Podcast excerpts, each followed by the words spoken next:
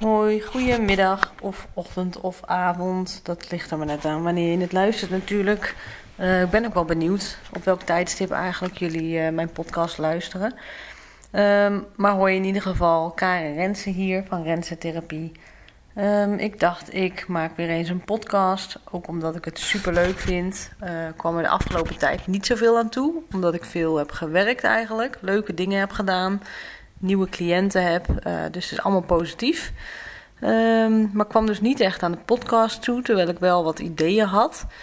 Um, ik heb veel getypt de laatste tijd. En ik merk dat ik nu ook weer meer last van mijn handen heb. Mensen die mij kennen, die weten dat ik al uh, sinds de bevalling van mijn dochtertje last van mijn handen heb. Nou ja, soms lukt het me wel om te typen, soms niet zo goed. Nu dus niet zo.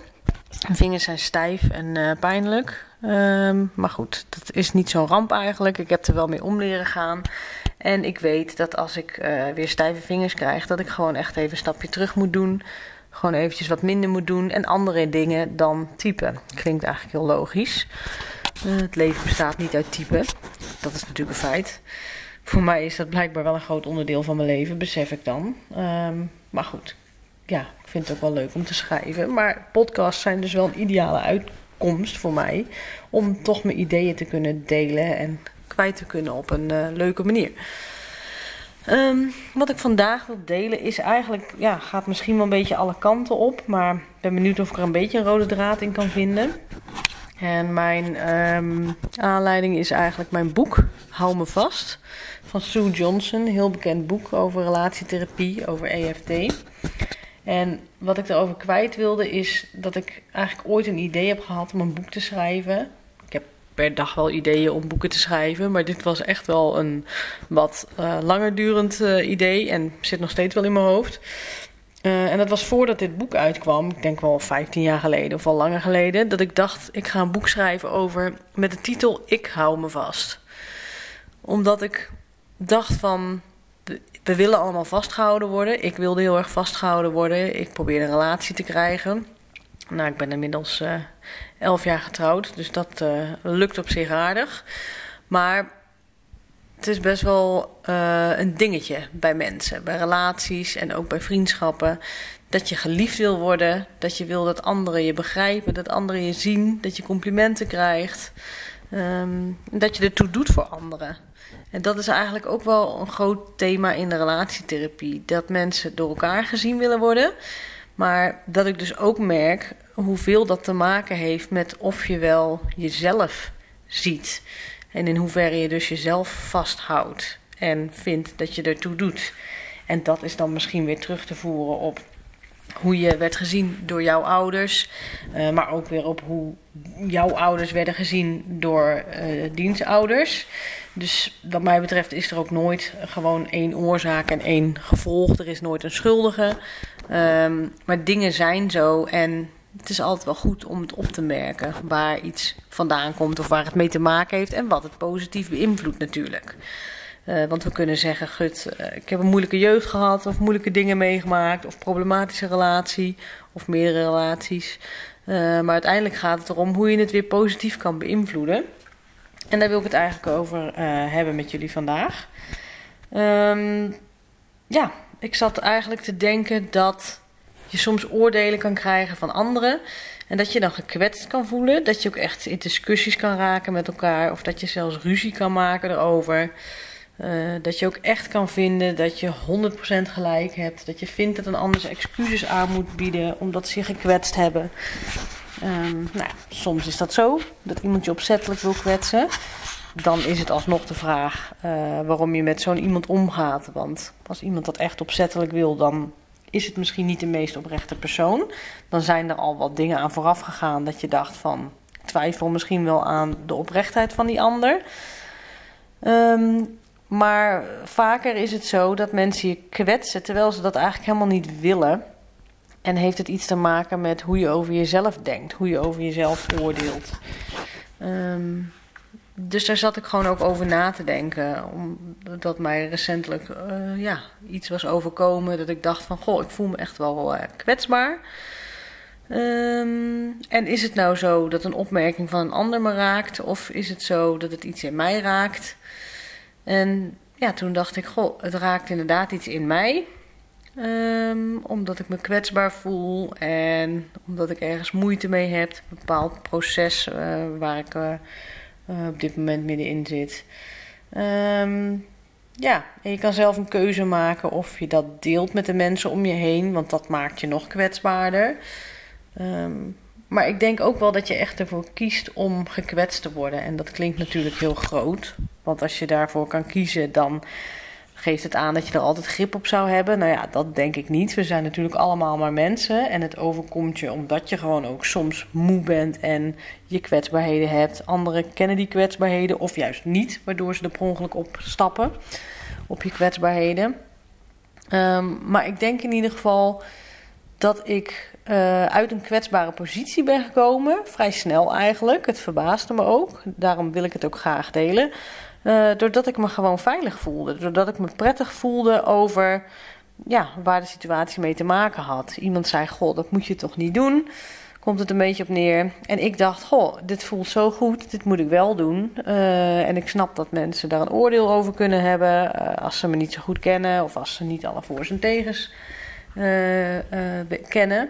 Maar ik dacht ook eigenlijk van eigenlijk is het wel goed dat het gebeurt dat iemand iets kritisch over me zegt, omdat ik dan ja, mezelf ook uitdaag om te denken van vind ik dat ik een slechte keuze heb gemaakt of vind ik dat niet? Vind ik dat ik iets goed doe als ik gewoon op mijn eigen intuïtie vertrouw en als ik gewoon kijk naar wat goed voor mij is, goed voor de mensen om me heen. En kan ik daar gewoon mijn oordeel over mezelf op baseren en niet op een oordeel van een ander.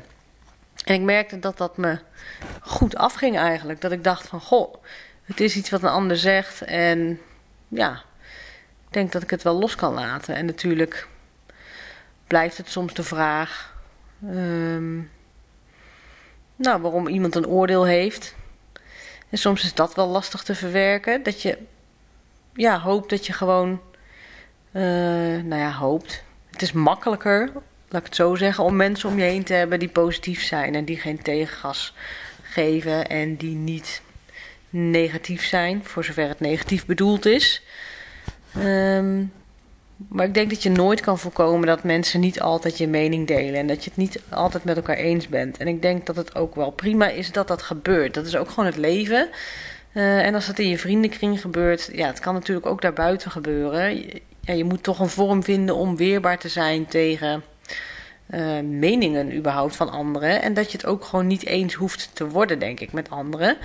En dat het ook niet per se hoeft te betekenen dat er onoverkomelijke ruzies ontstaan. Want dat is natuurlijk ook zonde. En dat is denk ik, dat gebeurt vaak omdat emoties de overhand nemen in plaats van echt de feiten.